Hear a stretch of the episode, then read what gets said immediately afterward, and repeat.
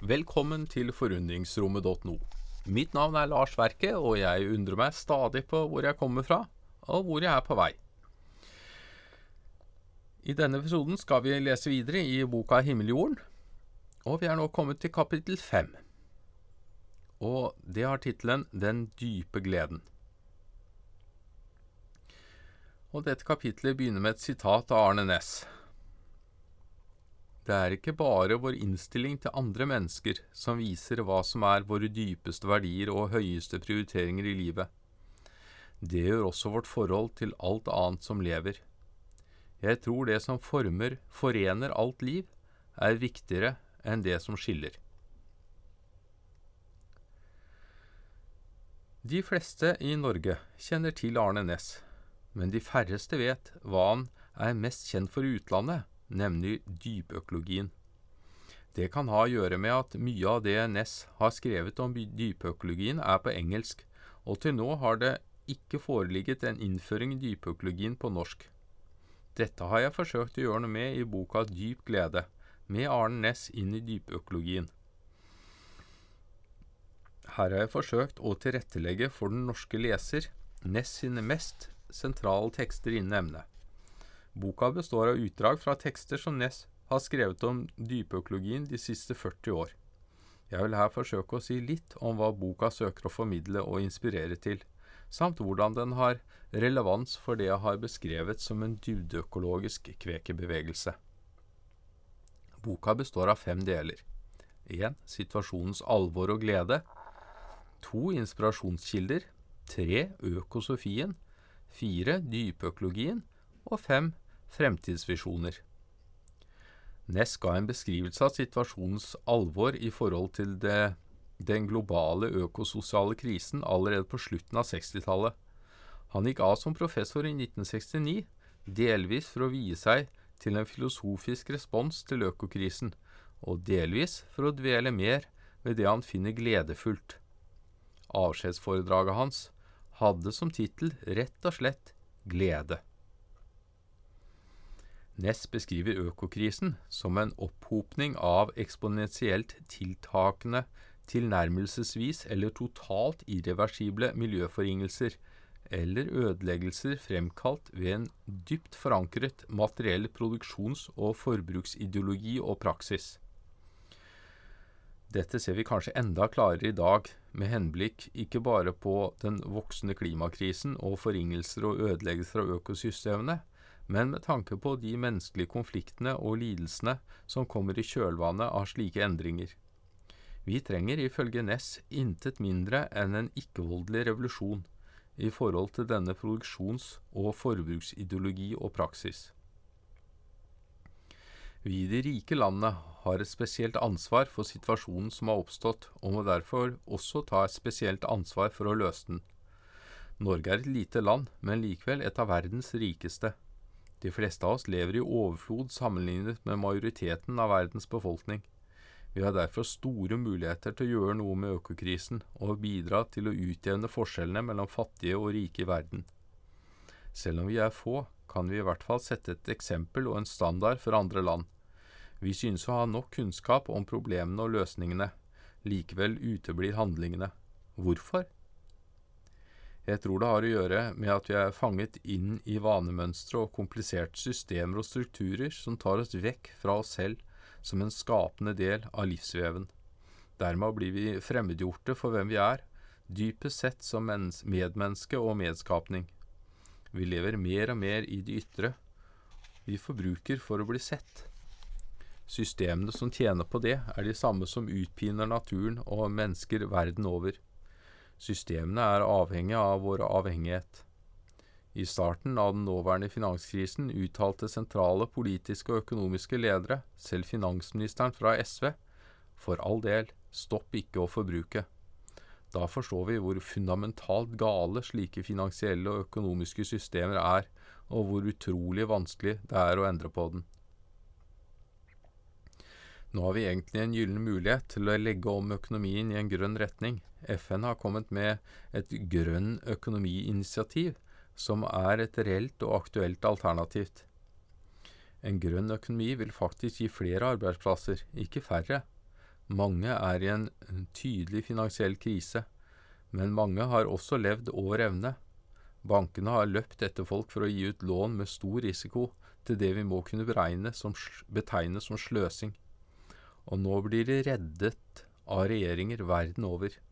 Det lukter ikke godt, og det kan dessverre bety at folk i de rike landene i større grad begynner å tenke mer på seg og sitt for å kunne opprettholde og til og med øke en levestandard som er uøkologisk og usolidarisk.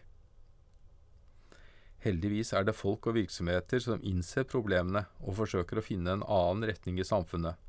Vi har banker som Kultura Sparebank i Norge, som ikke setter lønnsomhet høyest, men som forsøker å bidra til å fremme viktige verdier i vårt samfunn. Viser også at flere enkeltpersoner og lokalsamfunn prøver å gjøre sitt. Flere innser at det etter et visst punkt ikke er samsvar mellom økt levestandard og økt livskvalitet. Det er gjort undersøkelser på livskvalitet i Norge siden 60-tallet, og de viser at den økte levestandarden de siste 40 år ikke har medført den forventede økningen i livskvalitet. Flere mennesker i samfunnet er materielt sett veldig rike, men kan føle seg elendige. I spørreundersøkelser i spørreundersøkelser blir det ofte svart at folk føler seg stresset, de føler seg som fange av systemet, og at de ikke lever, men blir levd. Mange sier de gjerne skulle hatt mer tid til enkle ting i livet, som det å være på hytta, i fri natur, være sammen med barna, ha god tid til sin hobby med mer. Det industrielle, teknologiske samfunnet har gjort mange ting lettere for oss, men det har også gjort mange ting mer kompliserte og vanskeligere å endre på.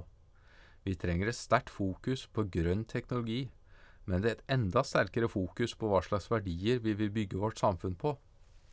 Det er et paradoks at et land som Bhutan, som er svært fattig sett i forhold til Norge, har innført en annen kalkyle på rikdom enn BNP, brutto nasjonalprodukt, som er vanlig i Vesten, nemlig brutto nasjonal lykke, gross national happiness. For hva er det vi egentlig higer etter? Hva ønsker vi å oppnå?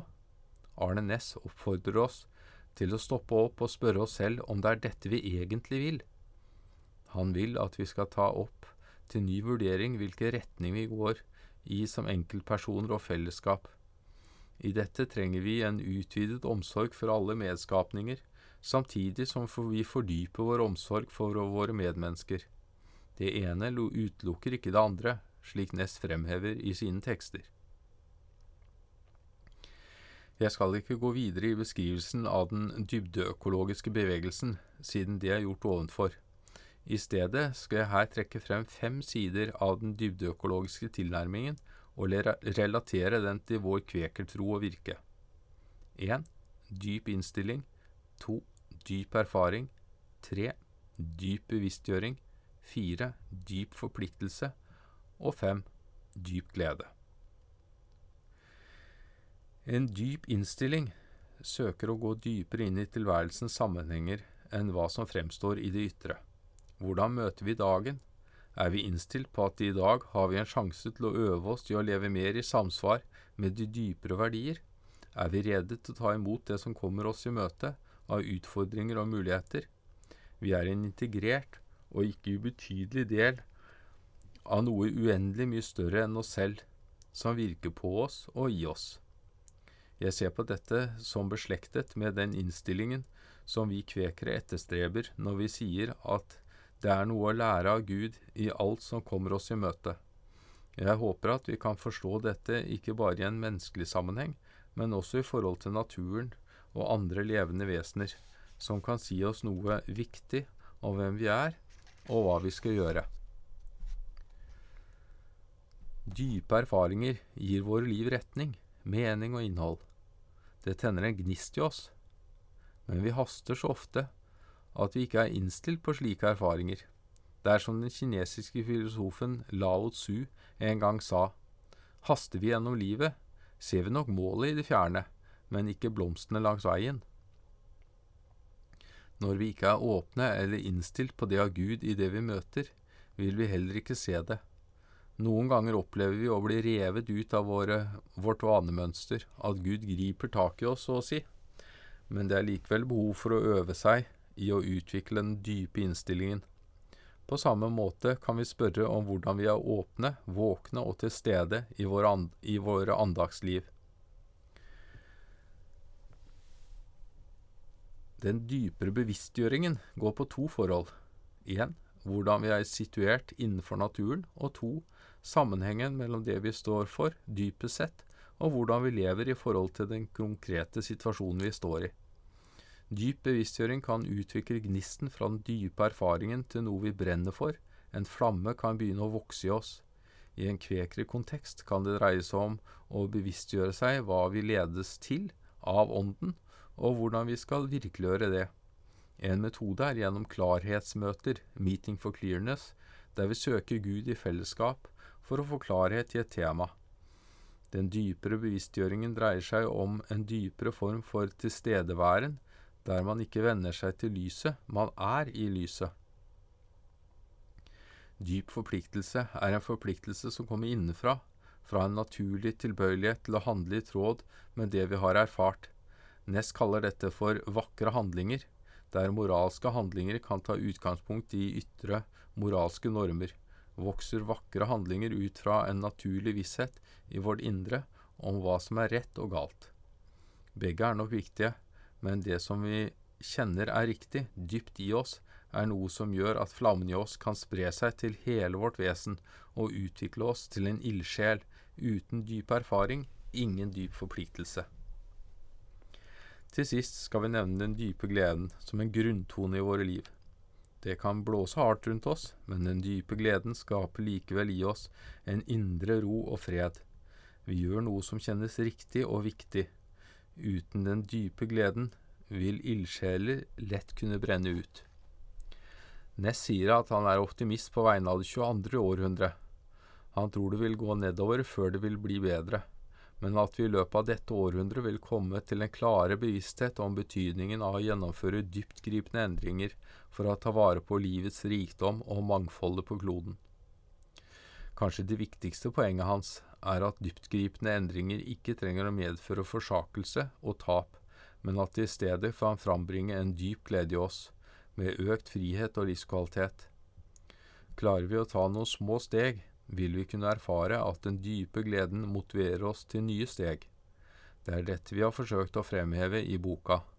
Det er såpass mye fokus på det negative i framtiden at det var godt å kunne skrive om en optimistisk stemme som roper om våre muligheter til å være en positiv, skapende kraft i verden.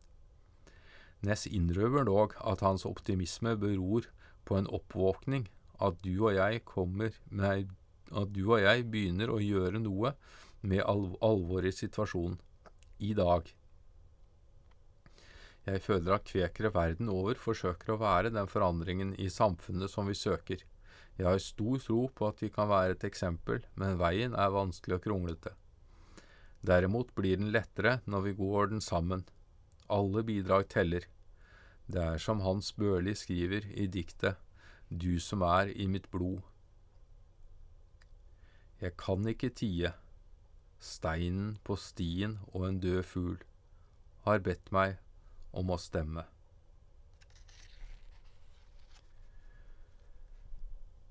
Og det var kapittel fem i boka Himmeljorden av Per Ingvar Haukeland. Tusen takk for følget, og velkommen tilbake for å høre kapittel seks. Hei så lenge.